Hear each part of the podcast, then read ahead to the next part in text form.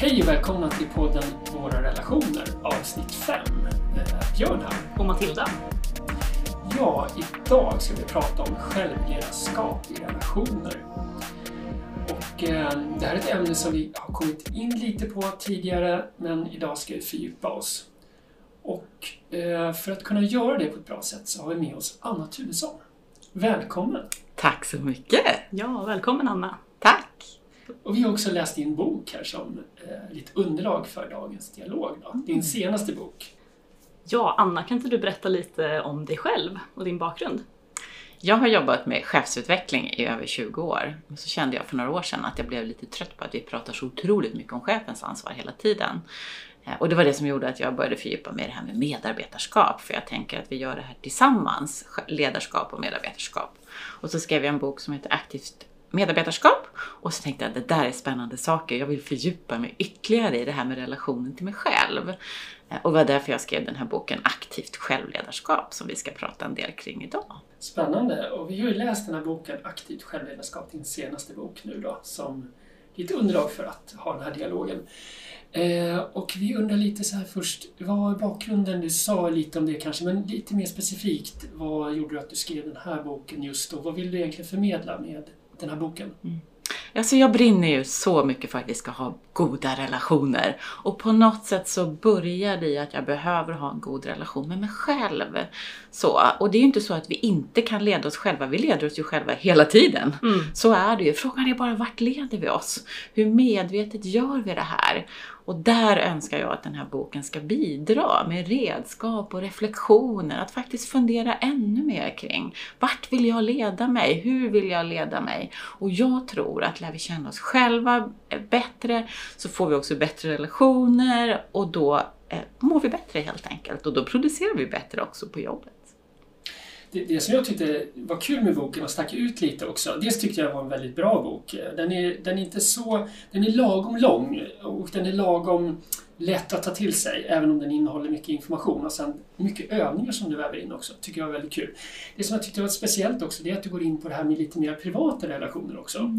Och liksom beskriver att det är en del av det här och att det hänger ihop. Det tycker jag var spännande. Om jag jämför kanske med andra böcker, eh, liknande böcker, eller som finns, så tänker jag att de kanske inte går in lika mycket på den delen. Det tycker jag var spännande att du, att du även tar upp det. Vad roligt att du säger det och jag fick verkligen slåss med förläggaren för att få ha med det där kapitlet. För för Jaså? mig kändes det så viktigt att jag tänker att om vi inte har det bra hemma så får vi det heller inte bra på jobbet. Och min förläggare hon började med att säga, nej men håll dig du till de här relationerna på jobbet.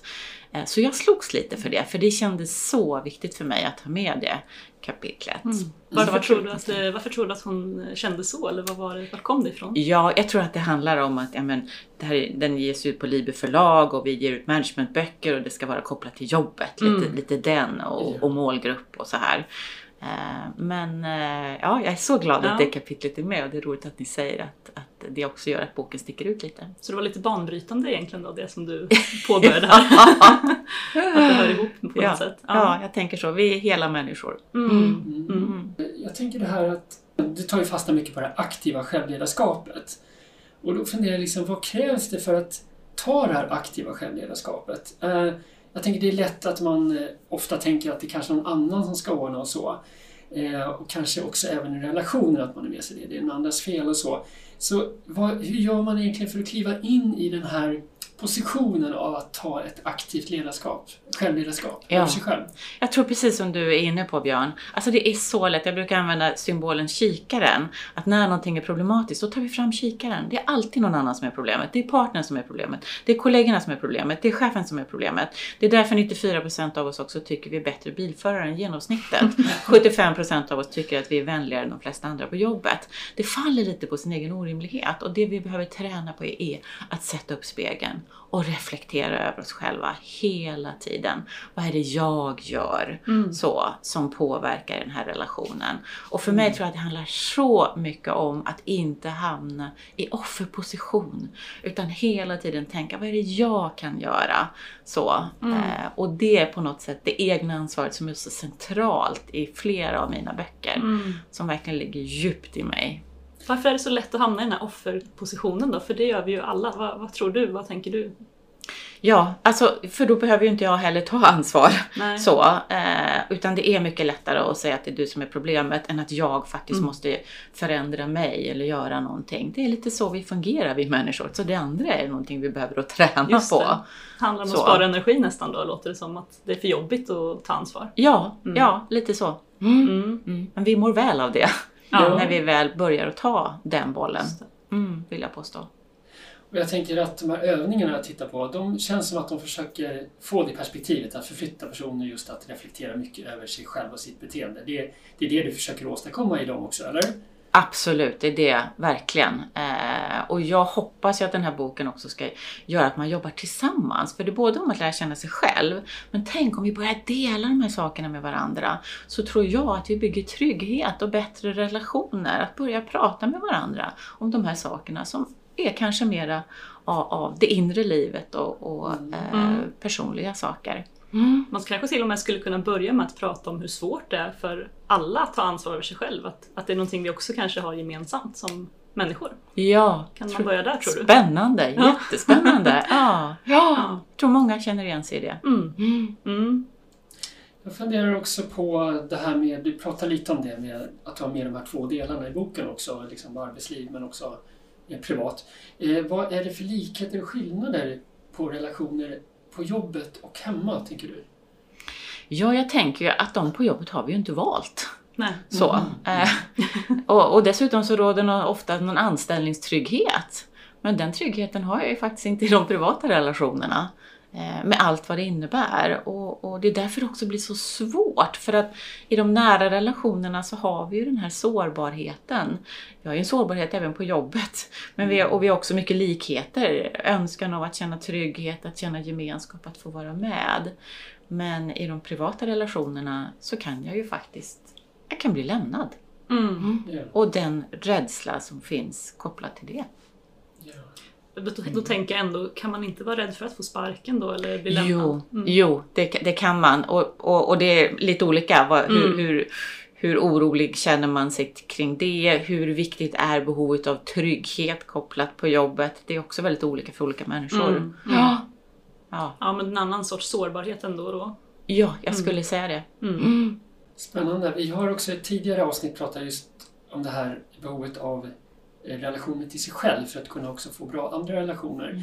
Eh, Du är inne på det också. Skulle du kunna säga några ord om det, hur du tänker kring just det? Du var inne på det lite, men utveckla lite mer. Liksom. Vad är viktigt där? För att kunna, hur hänger det ihop och så? Ja, jag tänker att det här med självkännedom är så centralt. Att jag har lite koll på mig själv. Min personlighet. Vem är jag? Självinsikt. Förmågan att reflektera över sina tankar och känslor. Och vad är det som gör att jag tänker och känner så här? Hur vill jag agera på den tanken och känslan? Eh, För vad händer om man inte har det? Ja, och då blir man ju väldigt kanske impulsstyrd och kanske har väldigt låg impulskontroll och förstår inte heller vad är det som händer i de här relationerna. Varför funkar inte det här? Mm. Eh, och, och då blir det lite svårare att få Mm. till de här goda relationerna. Mm. Så det är bra Mm. att vi har lite koll på oss själva. Men hur kommer vi dit? Är det någonting som många människor eh, liksom gör automat eller vill göra? Eller är det någonting man tvingas göra? Eller vad är det som sätter igång den processen med självkännedom egentligen? Ja, och det är också intressant för det där handlar ju om personligt intresse. Jag vet att när jag kom ut med den här boken och så skulle en journalist intervjua mig och han var sådär, han sa, men herregud, vem, vem vill läsa en sån här bok? Vem vill reflektera över sig själv på det här sättet? Och vem vill dela det med någon annan? Gud vad obehagligt! Mm. Och så när han sa så tänkte jag, ja just det, så kan man också tänka. Mm. Många tycker att det här är svårt, det är obehagligt, det är jobbigt. Och andra, vi som sitter och pratar i den här podden, tycker ju det här är jättespännande. Hur kan någon inte tycka att det här är intressant, eller hur? Ja, ja. Vad är det för känslor tror du som eh, ryms i liksom, de här olika upplevelserna? Att det kan vara så olika? Ja, och, eh, vad, vad, tänker ni? Vad är det som gör att vi är så intresserade Ja. som sitter här? Ja, men jag undrar om det handlar liksom om en, att omvandla sina rädslor till nyfikenhet istället då kanske. Att, att, eh, vi har ju också varit rädda, tänker jag, någon gång att börja titta. Det har i alla fall jag upplevt, att det har varit obehagligt och, och att man har känt sig rädd för det.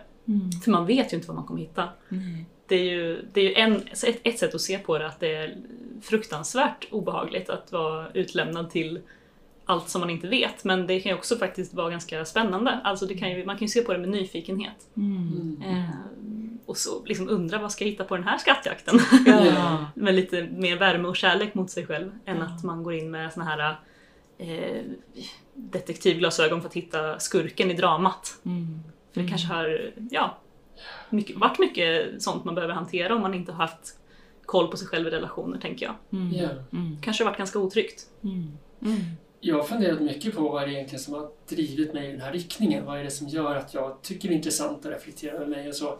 Och jag vet inte om jag fortfarande har något svar riktigt på det. Det, det kan vara att jag eh, har med mig det i min grundpersonlighet kanske som en del och sen så är det lite olika saker som har inträffat men det kan också vara då både så här mm, saker som har tvingat mig inom citationstecken att det kanske blivit mera ja, relationer eller någonting som inte har fungerat och det har dragit mig i den här riktningen. Och sen en nyfikenhet. Så det är en sorts påverkan på många olika sätt tror jag som gör det. Faktiskt. Men hur tänker du, hur ska man kunna ta det här första steget att komma in i det här eh, liksom positionen av att vilja reflektera lite mera? Och kan man hjälpas åt på en arbetsplats kanske? Att, eh, Matilda var lite inne på det från början också. Kan man ha någon mer gemensam diskussion om behovet och att man hjälps åt med det här och att det är eh, läskigt och så, prata om att det är läskigt kanske. Och Jag skriver lite grann om det här med psykologisk trygghet i boken och Ja. det tycker jag är ett så viktigt begrepp. Mm. Eh, att faktiskt reflektera till exempel i en arbetsgrupp. Hur har vi det med den psykologiska tryggheten? Mm. Är det okej att få göra misstag i den här gruppen? Är det okej att vara olika? Känner vi att vi vill varandra väl här? Ja. Och börja prata om sådana saker. Jag var på en arbetsplats där man då fick på en skala mellan 1 till 10, hur psykologiskt tryggt tycker ni att det är? Och genomsnitt var två och ett halvt Mm. eh, i rummet, förutom en arbetsgrupp som tyckte att det var väl åtta. Där satt viss, en, en viss yrkesgrupp. Det blev väldigt spännande diskussioner och sen reflektera över hur bygger vi det här tillsammans? Hur vill jag bidra? För har vi inte den psykologiska tryggheten så är vi inte så effektiva och produktiva som vi skulle kunna vara. Så Mm. är det. Men där blev jag väldigt nyfiken på, du var inne i en grupp med två och en halv och en grupp med Mm. åtta. De hade gjort en egen bedömning. Mm. Märkte du skillnaden eh, liksom på hur de kunde prata om saker och ting också? Så att du märkte att det här är en viktig faktor, eller den skillnaden? Ja, jag visste ju att det här var en arbetsplats där man hade vissa problem. Ja. Eh, så att, men jag kände ju inte dem tillräckligt väl, men det blev så tydligt för mig, just det, den här yrkesgruppen tycker att det här inte är något problem. Men så fint att de ser att de väldigt många andra på den här arbetsplatsen tycker att det här är jätteproblematiskt. Det blev Mm. så tydligt i rummet. Kunde de mötas på något sätt då eller hur jobbade du vidare? Ja, jag tror att det var det, var det som gjorde att det blev startskottet till Mm. väldigt mycket bra diskussioner och att sätta ord på saker, just det, och hur vill jag bidra och vad är viktigt för mig för att jag ska uppleva den psykologiska tryggheten. Så det kan ju vara att man lägger en grund med att skapa en psykologisk trygghet först. Ja, Kan det vara så? Och sen Ja. tar man det vidare? ja, ja. Ja. Mm. okej. Vilket eh, meningsfullt arbete det låter som att eh, du gör. När du Ja. får vara på sådana arbetsplatser där Ja. du kan göra så mycket Ja. skillnad då. Ja, ja, ja, jag älskar mitt jobb. Ja, Så är det. Jag Ja. var i en arbetsgrupp häromdagen faktiskt bara och ja, alla grät för att det var så problematiskt i den här arbetsgruppen. Men där tänker jag också att, att inte vara så rädd för de smärtsamma känslorna. Att just nu är det så här. Mm. Men att också kunna bidra med hopp. Det kommer inte alltid vara så här, men det är ett jobb Ja. ni måste göra tillsammans för att ändra det här. Mm. Och det är inte något quick fix så, men alla måste vara med och vilja bidra. Jag tänker bara så här, eh, har du hamnat i konflikter eller situationer där du hamnat om mobbning och hur du har jobbat med det som grupp? Ja, och det är inga eh, lätta eh, frågor så. Mm. Eh, jag tycker överhuvudtaget det här med kränkthet också kan vara ett problem. Eftersom idag upplever jag att många kan känna sig kränkta. Och sen när man utreder, vad är egentligen en kränkning? För det finns ju en arbetsrättslig definition för det här. Eh, sen kan man ju säga att ja, men det är ett problem så länge någon känner det här. Men eh, jag kan också tycka, och det, det, om man tittar på utredningar som görs, så är de flesta eh, när man har utrett för kränkande särbehandling är inte kränkande särbehandling enligt arbetsrättslig definition. Det kan vara ett olämpligt beteende. Men, men jag, jag personligen kan tycka att det börjar bli ett problem att vi känner oss kränkta för ganska mycket. Och nu när vi har en visselblåsarfunktion som är en ny lag i Sverige så blir jag nyfiken på, för jag har redan pratat med ett antal organisationer, nu anmäler man till den här visselblåsarfunktionen. Jag känner mig kränkt för det här, jag känner mig kränkt för det här. Alltså, ja, mm. jag tycker vi ska vara varsamma med det ordet. Ja. Så du får verkligen gå in och sålla då, är det här renodlad mobbning i liksom gruppen eller är det liksom ett, ett uttryck för något helt annat då, låter det som? Ja, då får man ju liksom göra en kartläggning mm. helt enkelt mm. av, av detta. Och jag, jag, vill verkligen säga att man ska ju ta detta på allvar. Herregud, det här är ett stort problem i, på arbetsplatser idag. Eh, så det är bra att alla Gör man en anmälan om kränkande särbehandling så görs det alltid en utredning. Det tycker jag är bra, det vill jag mm. poängtera. Och det är förskräckligt, vi ska absolut inte ha mobbning på våra arbetsplatser. Det är jättemånga som sjukskriver sig och faktiskt tar livet av sig för att man känner sig mobbad på arbetsplatsen. Helt förskräckligt, det vill jag poängtera. Mm. Just det. Vad är balansen mellan liksom att ta det här aktiva egna ansvaret men också att andra behöver också ta ansvar. Och jag tänker på en arbetsplats där man inte hamnar i att det ena sidan inte bara är andras ansvar men också att det inte bara blir mitt ansvar. Alltså hur hittar man balansen där? Fast min utgångspunkt är alltid att jag kan bara ta ansvar för mig själv. Jag tar ansvar för mitt sätt att kommunicera, mitt sätt att agera, mitt sätt att handla. Och sen behöver du ta ansvar för ditt. Ja. Och jag tror att det är viktigt att sortera på det där. Ja. Jag som jobbar mycket med coaching också, det handlar väldigt ofta att hjälpa att sortera. Vad är mitt? Mm. Vad är mm. ditt? Just så. Just mm. Så även om man blir sådär lockad att vilja gå in och förändra chefen eller kollegan eller partnern eller vem det nu är så, mm. så är det, finns det inte så mycket sätt att göra det på, låter det som då. Nej, utan jag behöver ta ansvar för hur talar jag om för dig vad jag behöver. Mm. Vad som blir problematiskt i ditt beteende och vad jag önskar att du gör. Sen kan jag bara ta ansvar för hur jag uttrycker det, att jag uttrycker det, när jag uttrycker det. Sen hur det landar hos dig och vad du gör med det, det måste du ta ansvar för. Mm. Det är mm. min sortering. Så det blir liksom det aktiva självledarskapet är just dels hur jag hanterar saker själv, min egen, kunna se lite på mig själv och bedöma men också hur jag uttrycker mig. Ja. Och sen tar den andras aktiva självledarskap vid och när den får det här liksom, och hur den hanterar det vidare. Då. Så ja. Lite så att vi möts i det här aktiva självledarskapet båda två ja. och sen kommunicerar utifrån egna behov och egna känslor och så mer kanske. Ja. Än att du ska göra så. Precis. Utan mera vad är viktigt för mig? Ja, så tänker jag. Ja, ja. Mm. Har du några så här konkreta, vi tänker måla upp en bild här, vad, vad, kan man göra då? Om vi säger att man går in i sitt aktiva självledarskap och man eh, tar mod till sig och uttrycker sina behov här till sin chef kanske, säger vi då, vi leker med tanken att det är chefen. Och eh, du upplever att du inte får något gehör eller du blir inte sedd på något sätt i det du önskar och ja, kanske till och med får någon olämplig kommentar tillbaks eller vad som helst. Hur ska man hantera det på, mm. på jobbet? Vad säger mm. du?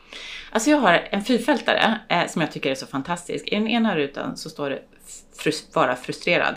Du kan ju vara den där frustrerade 8 timmar per dag, 40 timmar i veckan, vecka ut och vecka in. Eh, I en annan ruta står det påverka. Du försöker göra någonting åt det här. Det du beskriver Matilda, det är ju liksom ett försök att faktiskt påverka. Den tredje rutan är acceptera är på något sätt, jag har försökt att påverka. Jag vill inte liksom lägga tid på att vara frustrerad mer.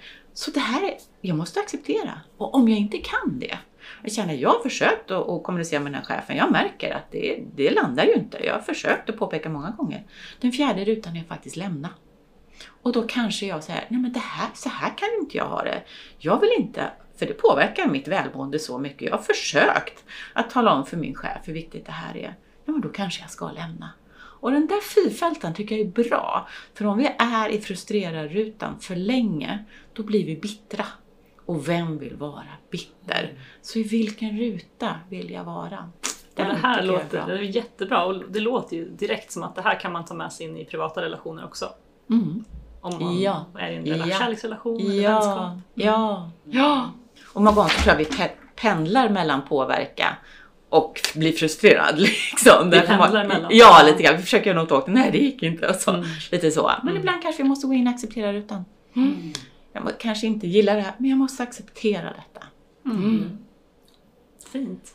Blir det någon skillnad där i nära kärleksrelationer, tänker du? Liksom, hur, hur man eh, hanterar det där? Jag tänker ändå att eh, man kanske liksom, närmare är man ju såklart än arbetskamrater och man är mera, ha mer tid ihop och man kanske inte lättare kan, lika lätt kan gå undan och så. Eh, blir det någon skillnad tänker du eller, eller är det samma grundprincip?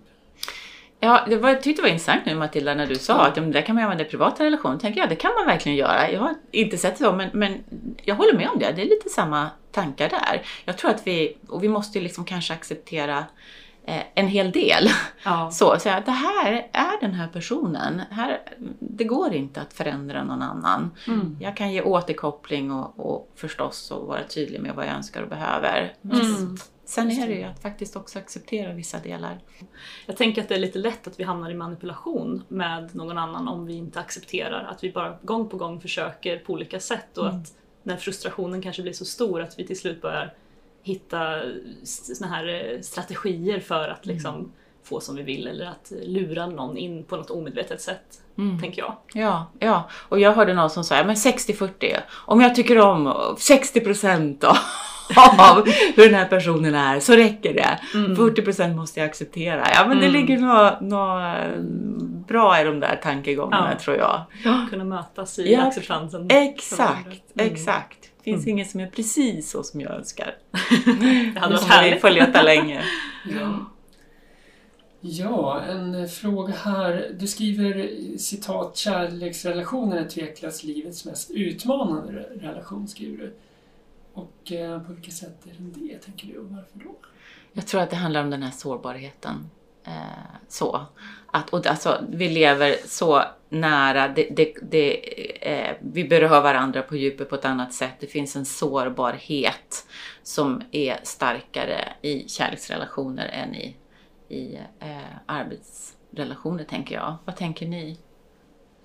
Ja, det, jag tänker ju lite kanske att jag vet inte, men jag undrar om man liksom kommer in i sitt inre barn och det här liksom gamla såren även på arbetsplatsen. Och det gör man väl kanske, tänker jag. Det kanske går att se chefen som en eh, sån här auktoritet i, som man har kanske till sina föräldrar på många sätt. Det, det har jag ändå tänkt att där, där kanske det ändå är likheter så. Så jag vet inte riktigt vad som är den största skillnaden i sårbarheten. Jag tänker att, eh, precis som du säger, att jag tror också det här liksom att vi spelar upp den här så är det barnet i många, eh, många situationer och eh, säkert på arbetsplatsen också. Men jag tror att kanske att det blir just den här skillnaden blir att den här att vi upprepar den anknytningsrelationen ändå lite tydligare i Alltså som vi hade med våra föräldrar. Så vi spelar nog ut det ännu tydligare. Vi har också behov som vi spelar ut i kärleksrelationer som inte spelar ut, skulle jag säga, andra relationer. Mm. Ja, kanske med fysisk närhet. Flera behov. Mm. Ja, fysisk närhet men mm. också emotionell närhet skulle jag säga och liksom, som du är inne på, sårbarhet på något sätt. Alltså vi, mm.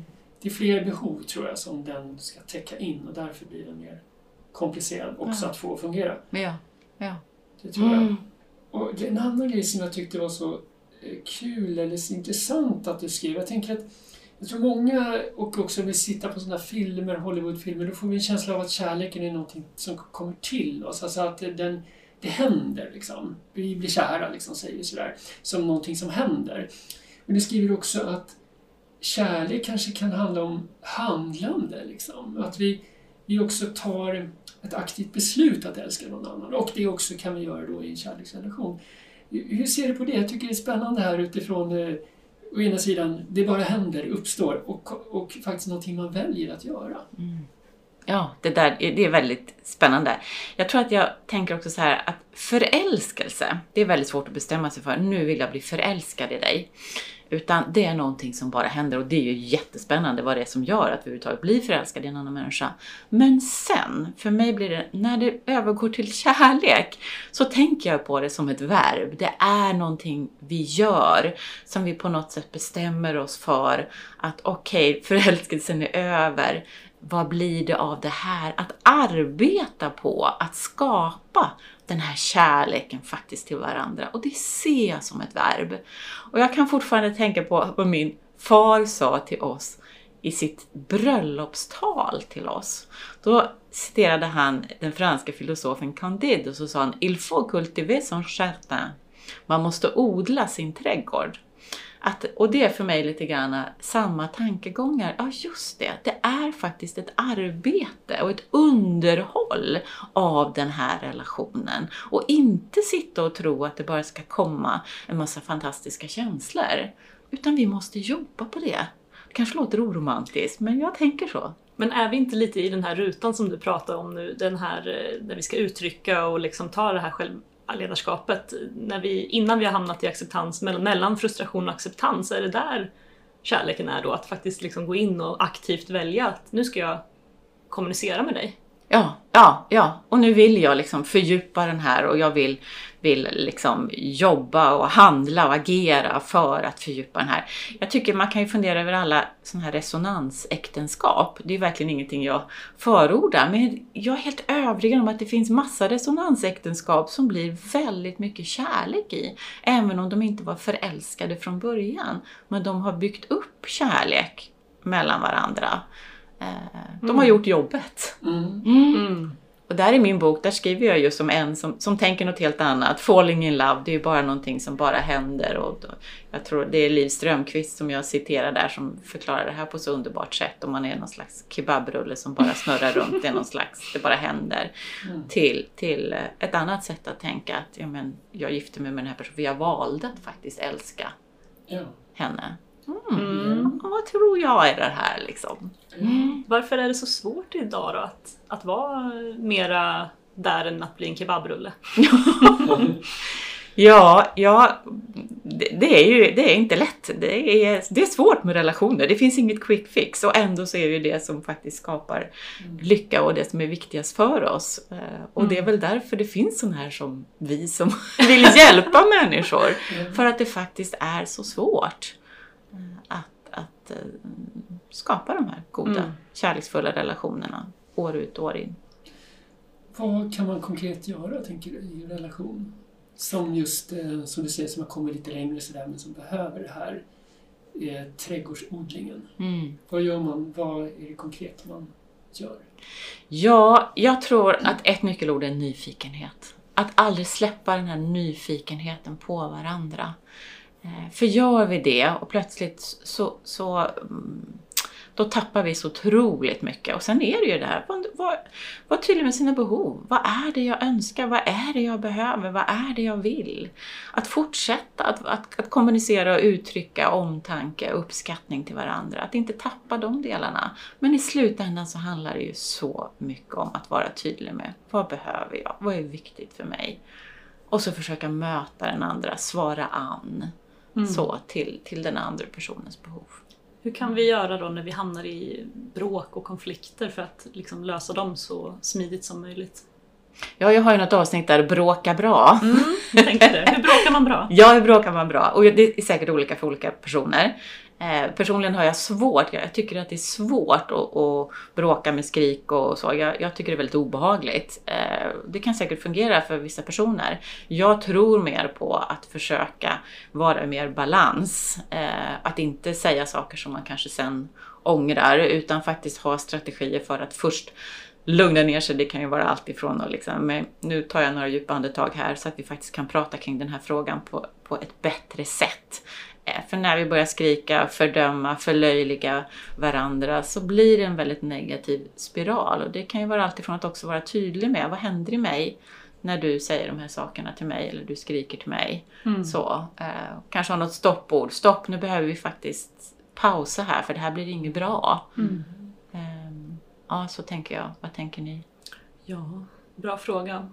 Jag är på din eh, liksom, linje här med att eh, jag tycker det är obehagligt med eh, när någon höjer rösten eller att eh, jag har svårt att göra det själv. Så för mig blir det väldigt snabbt väldigt otryggt. Så att eh, det, det är nog att ta med sig det här in som du säger, att vara på en plats där man inte är i för stor affekt när man ska lösa det. Sen tror jag att eh, jag behöver nog öva på att också stå kvar i det och att inte eh, fly bort från det. Att det liksom bara stå mitt i stormen där man känner alla de här konfliktkänslorna. Jag tänker lite också att det handlar om att kanske mycket är en konflikt i, i en själv. Apropå självledarskapet, att gå tillbaka. Vad är det som gjort, alltså vad är det i mig som är i konflikt? För att eh, det kan vara en spegling. Den andra personen speglar någonting som har skapat en konflikt i mig.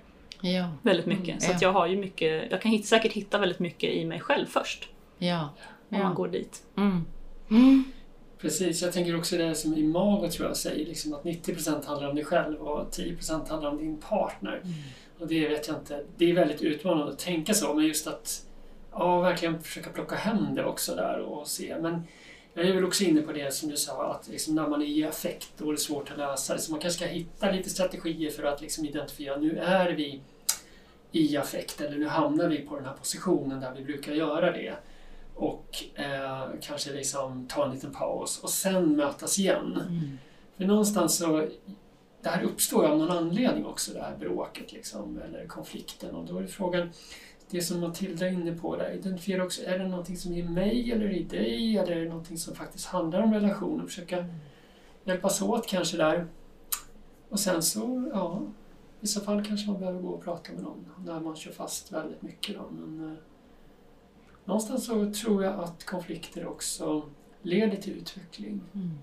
Mm. Så att det för också relationen vidare, tänker jag. Jag hörde några imagoterapeuter som jag verkligen tog till mig den och sa att när vi har ont i hjärtat och tror att vi liksom har problem med hjärtat så tar det i genomsnitt sju minuter innan vi söker hjälp.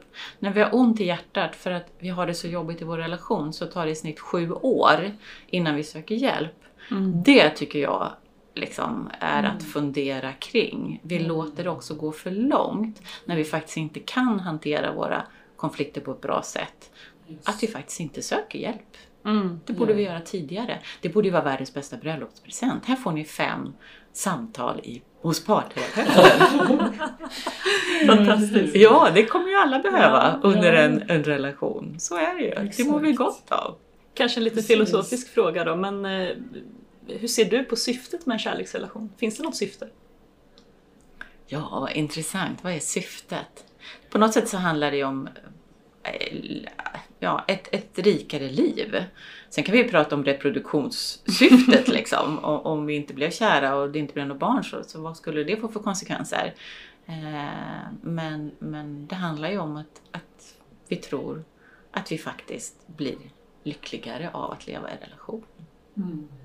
Så tänker jag. Vad tänker ni? Tror du att alla, ja precis, jag, jag svarar med en motfråga. Ja. Tror du att alla skulle må bra av en kärleksrelation eller finns det vissa som kanske egentligen mår bättre av att vara i andra typer av relationer som också på något sätt ja, blir rätt för dem? För att det blir så mycket konflikter hela tiden kring kärleksrelationer. De har försökt, försökt få till det men ska de fortsätta sträva efter att försöka få till det eller ska man någonstans tänka att ja, det kanske är något annat vi behöver? Ja. När, när ska man börja tänka det? Ja, vilka enkla frågor du ställer Björn. Eh, Jag tycker att vi pratar alldeles för lite om vikten av vänskapsrelationer. Ja, Gud vad många böcker och sånger det skrivs om kärleksrelationer och vad lite vi pratar om vänskapsrelationer.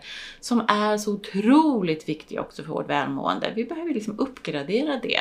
Det kanske också borde vara vanligare att vi bor i kollektiv med vänner till exempel för att skapa den här känslan av närhet och gemenskap.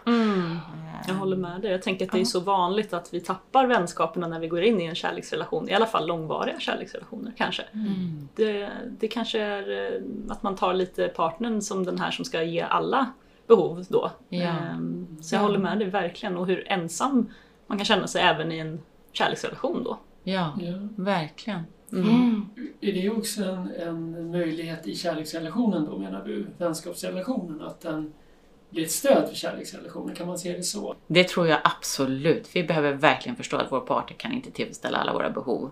Och vi behöver andra människor runt oss. Så, där vänner är så viktigt. Mm. Ja. Mm. Och jag tänker att för mig är det någon slags skillnad. Det, det enda är ju egentligen sexualitetsdelen liksom, som, som för mig skiljer en kärleksrelation från en vänskapsrelation. Mm. Ja. Det kanske man kan få till på andra sätt tänker jag. Ja, exakt. Exakt. Det finns väl säkert många kreativa sätt man kan göra det på. Ja. ja. Sexrobotar ökar har jag, har lärde vi oss på kursen förra Ja. gången. Ja. Ja. ja, men det är väldigt spännande vad som styr oss också när vi Mm. väljer. Mm. Är det liksom kultur och konventioner? Mm. Och, och det, det är lättare att vara som andra, så att säga, Ja. och passa in. Ja. Än att göra på ett annat sätt. Och vi kanske inte ens kommer i kontakt med vad man faktiskt vill. Nej. Så det är ju spännande att se vad, vad är det som gör att vi hamnar i kärleksrelationer när det kanske inte är det bästa. Eller vi kanske kan ha Mm. sex på ett annat sätt. Eh, Eh, och ja, vi löser det här på andra sätt så att Mm. säga, Mm. än det här paketet. Ja. Ett annat typ av paket. ja, ja visst. Och leva i Mm. kärleksrelationer utan sex, det Mm. kan också gå väldigt bra. Mm. Absolut. Ja, Mm. ja. För då har vi också, det gjorde vi ju lite här nu automatiskt, men då har vi särskilt kärlek och sex också. Att man inte misstar sig för att de är alltid samma sak. Nej, nej. Ehm, Så. Mm. Att vi inte baserat relationen på enbart den sexuella bi- biten. Nej, precis. Mm. Mm. Jag tänker en, en fråga till jag skulle vilja ställa som hänger ihop med det här. Jag tyckte det var spännande du skrev om ensamhet. Också, det är just det här om man inte har relation till exempel. Och det skrev också att ja, men det kan ju också ge ett stresspåslag i kroppen utifrån det här eh, grundläggande biologiska, att vi behöver tillhöra en grupp för att överleva, så som vi har med oss kanske. Jag tänker mycket på det där. Jag tycker att det är en folksjukdom verkligen vi har med den här ofrivilliga ensamheten. Tror jag läser 15 procent eller någonting som verkligen känner sig ofrivilligt ensamma. Sen kan vi ju känna oss otroligt ensamma, som du var inne på Matilda, i en relation kan jag känna mig ensam. På ett stor fest med massa människor kan jag känna mig ensam. Eh, Så att skilja på det här och, och existentiell ensamhet. Och, och, så det finns många mm, aspekter av det här. Men att förstå att det faktiskt är farligt att leva i ofrivillig ensamhet. Farligare än att röka 15 cigg per dag. Vi behöver prata mer om det. Eh, Mm. Vad gör det med oss? Och, men också vårt ansvar där också för att ta oss ur den. Så, eh, hur kan jag då, om jag vill ha fler vänner, hur kan jag söka det? Eh, och igen, att inte bara hamna i offerpositionen. Men Mm. eh, jag läste någonstans 17 procent av alla män har ingen nära vän. Motsvarande siffra är 11 procent för kvinnor. Eh, Det är något sorgligt i detta. Men du var också inne på det där att du sa att på en fest kan man också känna sig ensam, man har mycket Mm. människor omkring sig. Så Mm. handlar det både om ett inre och ett yttre arbete. Alltså ett yttre i form av att liksom skaffa sig vänner kanske och få Mm. kontakter. Men ett inre att ha ett förhållningssätt då till ensamhet. Eller kan Ja. man se det både och? Ja, absolut. Och sen tänker jag också att inte vara så rädd för ensamhet. Alltså det finns ju något vilsamt för många också att vara ensam. Tycker det är intressant att säga, jag lever själv eller jag lever ensam. Vilket ord väljer jag? Hur bekväm är jag i min ensamhet? Mm. Eh, I mitt själv? Mm. Ja, för det kan ju, att- jag tänker högt nu att det kan vara väldigt stressande om man då får till sig att ja, men det är lika farligt som att röka 10 ciggpaket om dagen eller vad vi nu sa. Att det finns liksom forskning på det här och att det är väldigt farligt att vara ensam för länge. Och, och så kanske man längtar väldigt mycket och, men man vet inte riktigt hur man ska bryta den här isolationen. Då. Vad, hur kan man komma över sina rädslor från att både vara med folk men att också vara ensam? Det kan ju bli att man är rädd för båda scenarierna. Mm. Och där tror jag är att sätta ord på det. Eh, att erkänna det för sig själv, att prata med folk om det, att kanske gå i terapi och jobba med det.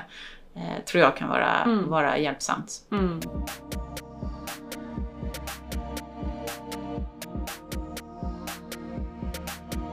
Eh, Du skriver ju också om förlåtelse i boken, att det är viktigt. Och vilket, på vilket sätt är det viktigt i en relation med förlåtelse? Jag tror att det är så otroligt viktigt. Och där behöver man också tycka se sig i spegeln. Hur är det för mig att be om förlåtelse? Vad innebär det för mig? Eh, och om, hur är det att ta emot en förlåtelse? Om jag verkligen förlåter någon? Kommer jag ändå dragandes med det här ett halvår senare? Att faktiskt fundera över det. Jag tycker att vi lär våra barn vikten av att be om förlåtelse. Och sen är det på något sätt att vi kan glömma det som vuxna. Och det där är verkligen olika svårt för olika människor. Och hur låter ett bra förlåt skriver jag ju lite om också. Ja. Där jag verkligen erkänner, jag gjorde någonting, det var tokigt. Inte att det är ditt fel, jag är ledsen om jag sårade dig. Då blir det på något sätt att det är ditt fel om du kände dig sårad av det jag sa. Istället för att jag säger, Mm. jag sa det här, jag förstår nu att det var tokigt av mig att uttrycka så jag ber så hemskt mycket om ursäkt. Vad kan jag göra för att det ska kännas bättre för dig? Det är skillnad på ett sånt förlåt Mm. än att säga jag är ledsen om du, om du blev sårad. Mm. Tänk om alla hade kunnat få höra de där orden som du just sa, hur mycket... Eh, hur fint det skulle vara för Mm. väldigt många tror jag. Mm. Att få ta emot en sån förlåtelse. Mm, mm. Mm. Och jag tycker det är så sorgligt. Jag tycker jag ser människor också i min närhet. Man har haft goda relationer i jättemånga år och så gör någon någonting. Och så bara bryts den här fina relationen för att man inte har möjlighet att förlåta varandra. Och man har haft trevligt och man har tyckt så mycket om i 20-30 år.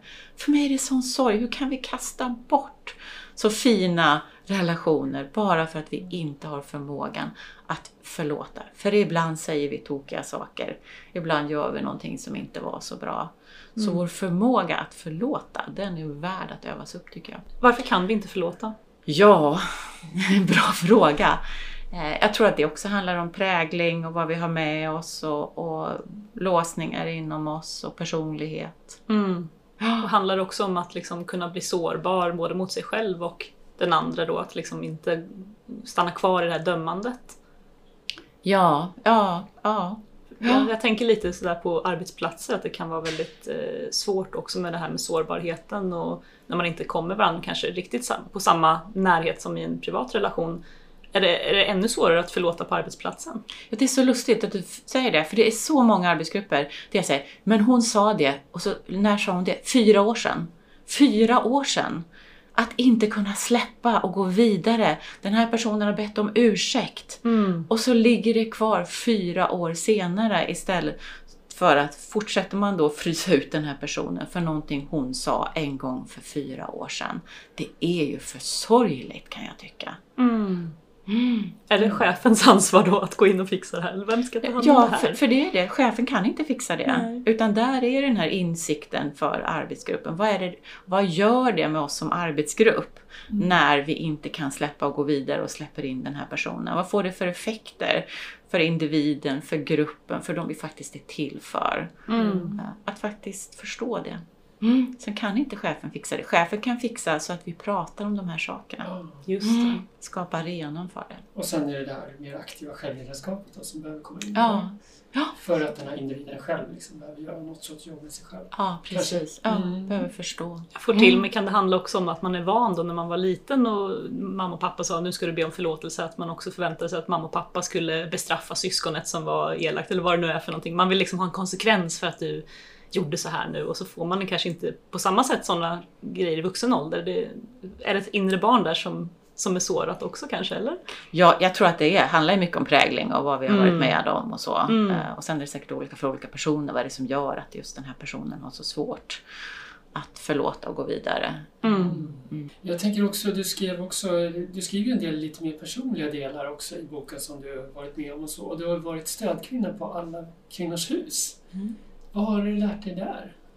Ja, jag har många år varit aktiv feminist och kände att eh, eh, det här kan jag så lite om. Jag hade någon bild och jag förstod inte varför går inte kvinnan när hon blir slagen? Eh, och det här fick jag ju, man får ju gå en kurs, jag fick lära mig jättemycket om det här med våld. Vad är våld? Att det inte bara är fysiskt våld, vi pratar psykiskt våld, sexuellt våld, ekonomiskt våld eh, och så vidare och förstå vad är det för processer som startar? Vad är det som gör att det blir så svårt att gå?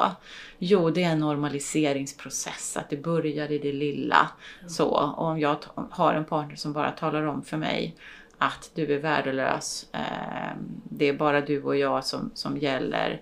Mm, ja, skapar osäkerhet, skapar otrygghet och så blir det lite värre och så blir det lite värre. Det gör att man bryter ner partnern på det här sättet. Och ett annat problem är att det alltid växlar mellan våld och värme. Så det blir efter våldet så kommer alltid värmen. Ja. Och det är det här växandet som gör att det blir så svårt också att förstå. Men herregud, han säger ju att jag är helt fantastisk också. Jag, jag får ju så mycket kärlek så att det bara svämmar över. Och sen kommer den andra sidan. Och det är det här som gör någonting med människor, som gör att det blir så svårt att ta sig ur en relation. Och jag tror också att vi behöver söka hjälp. Om vi är utsatta för våld eh, så behöver vi söka hjälp och inse att vi klarar inte det här själva. Mm. Utan här behöver vi ha hjälp för att ta oss ur den typen av relation. Ja, jag tror eller min upplevelse och erfarenhet, eh, min personliga erfarenhet är att det kan vara väldigt svårt att läka tillsammans när man har hamnat i den dynamiken. Att det, det, du behöver liksom, ja, ta hand om det på eget sätt först kliva och först. kliva ur. Ja. Ja. Du, hur mycket du än eh, har känslor och älskar någon så, Precis. så är det faktiskt en eh, destruktiv och våldsam situation du befinner dig i eller relation och då, eh, då kan du kanske inte riktigt mötas i den här bråka bra, eh, ja det finns kanske inte utrymme för att bråka bra. Nej. Nej, Nej jag och tänker då... att du är väldigt nedbruten i den situationen mm. som individ och du har liksom förlorat dig själv. Mm. Och då går det liksom inte att vara kvar i en sån situation och läka som du säger, måste Nej. ut ur problemet. Och kanske även i början om du då är medveten och har spår och sett det här att det är på gång och bli så att, att det kan även där vara väldigt viktigt att innan det går för långt, innan du har normaliserat det, om du har en minsta liksom känsla för att det här skulle kunna bli en sån situation, Eh, att inte tro då att ja, men bara vi löser det här tillsammans eh, så kommer det här gå bra. För jag tror att det, det, är lätt att man hamnar där när man får känslor för någon. Att det, att, det går, att det går att fixa det här tillsammans men märker man de här spåren av att, som du säger, av och på eller eh, ena stunden är det varmt och fint och nästa är det ingenting eller nästan eh, hat eller hot så är det ju bara att backa. Mm. Jag kan läsa upp några varningssignaler som jag tycker man ska vara observant på att relationen inte är riktigt frisk. Mm. Tror du det handlar om kärlek när han vill ha dig helt för sig själv? Han är överdrivet svartsjuk, han talar illa om dina kompisar, han kräver att få veta vart du går när du kommer hem. Han är omotiverat upprörd mot andra. Han slår sönder saker i ilska. Han anmärker på ditt sätt att klä dig och att prata. Han påstår ofta att du ljuger. Han får dig att välja dina ord när du ska berätta något. Det är varningssignaler. Ja, det här har jag tagit från eh, som satt upp i den här Alla kvinnors hus för jag tyckte att det var så bra uttryckt. Ja, det är förstås så att det finns kvinnor som utövar våld mot män. Men det är mycket vanligare att det är män som eh, använder våld mot kvinnor och det behöver vi vara tydliga med. Mm, mm. Verkligen. Ja, det är dags att avrunda det här avsnittet. Men först Björn, hur ska vi sammanfatta det här? Ja, det var mycket idag som kom fram. Jag tycker det var jättespännande. Eh, jag tycker väl att eh, eh, Eh, just eh, den här kvaliteten med självledarskap är väldigt spännande och eh, alla relationer att det är också finns så mycket likheter mellan vänskapsrelationer och arbetsrelaterat och kärleksrelationer att det liksom i grunden är samma, samma dynamik och verktyg och så. Och just att du pekar så mycket på det här liksom, att man tar det här aktiva ansvaret själv. Eh, det var jättespännande. Och också hur man kan hjälpas åt att jobba med det, tänker jag. Alltså hur kan man ta med sig det? När man jobbar med en grupp tycker jag att eh, det är nog en väldigt bra sak att prata om det här. Hur kan man få in det här så att man får ett gemensamt liksom, tänk och ansvar kring att man tar det här ansvaret. Det tror jag man skulle kunna jobba jättebra med i grupp alltså. Och jag tänker också med stödarboken. Och sen att det är så viktigt att eh, falla tillbaka på det. Du sa det Anna, liksom det här att ja, jag kan bara ta det ansvaret själv och så kan jag kanske kommunicera då till någon annan och sen så får den göra eh, liksom vad den vill med det och ta, liksom, bestämma vilket ansvar tar den för det som man tar emot. Att det är väldigt viktigt, alltså, att man inte går in och liksom säger till någon annan det här ska du göra eller så, utan mer utifrån ja, sig själv och det ansvar man själv kan ta. Ett väldigt viktigt perspektiv tror jag, i alla sammanhang. Ja, mm. väldigt spännande. Och, och du Matilda, ja, vad tar du med dig? Min sammanfattning som jag landar nog i ändå är ju den här rutan du beskrev. Jag, den målas upp väldigt väl för mig och eh, hur viktigt det är att vi eh, bestämmer oss för vilken ruta vi vill vara i. Det tyckte jag var så bra sagt. Om vi vill acceptera den här personens beteende eller uttryck eh, eller om vi vill ge ett försök i kärlek att kommunicera vad vi behöver eller om vi lämnar. Att eh, framförallt nu när vi pratade om det här sista eh, lilla snutten om våldsamma relationer eller destruktiva relationer att, att våga liksom se verkligheten och ja, att kanske lämna då, att det faktiskt finns eh, en ruta för det också och få stöd i det och kraft. Så att väldigt mycket tar jag med mig kring den här rutan. Vad tar du med dig Anna? Hur skulle du sammanfatta dagens avsnitt? Jag tycker det har varit jättekul att prata mer om det här och eh, tvingat mig själv att formulera mig kring de här sakerna även muntligt. Eh, och bara en sån sak på den här rutan så fick ju du mig att tänka, just det, man kan tänka på den även kopplat till kärleksrelationer. Så har inte jag tänkt. Så det är så härligt att få formulera de här sakerna tillsammans. Mm. Och eh, jag skulle vilja ha någon slags, ändå det här slutordet med, med det här att odla sin trädgård kopplat till kärlek och var någon som sa, som jag tyckte också var fint, ja, men gräset är ju faktiskt inte grönare på andra sidan, utan gräset är grönt där du vattnar det. Mm. Det är väl ett fint. Och sen skulle jag faktiskt vilja avsluta, för Björn, du och jag har läst en bok. Eh, och där stod det en sak som, som vi pratade om i vår grupp när vi jobbade med den här boken. Och det här tycker jag också var så fint så jag skulle vilja avsluta med att läsa det från eh, Flodhästen i rummet. Hellsten heter han va? Ja, just det. Flodhästen i vardagsrummet med Hellsten. Han skriver så här. Att ta ansvar för sitt eget liv är en så svår uppgift att många avstår från det och hellre väljer att vara bittra på andra och anklaga dem. Att bli ansvarskännande förutsätter att man tar sitt liv i egna händer. Fint. Mm. Härligt. Det är Fint, bra. ett Det är bra väldigt, avslut. eh, Klokt. Mm. Svårt att göra, men väldigt viktigt att göra. Mm. Kan jag säga. Och med stöd av andra. Vi är inte ensamma. Det Precis. också vill jag lägga till. Viktigt tillägg. Mm. Viktigt tillägg. Mm. Fint, tack snälla Anna. Vart kan man köpa din bok då om man är sugen på att läsa den här? Adlibris. Härligt, underbart. Ja. Då tackar vi så himla mycket för att du tog dig tid att prata med oss och eh, på återseende Björn. ja, stort tack. Tack för att jag fick vara med. Tack!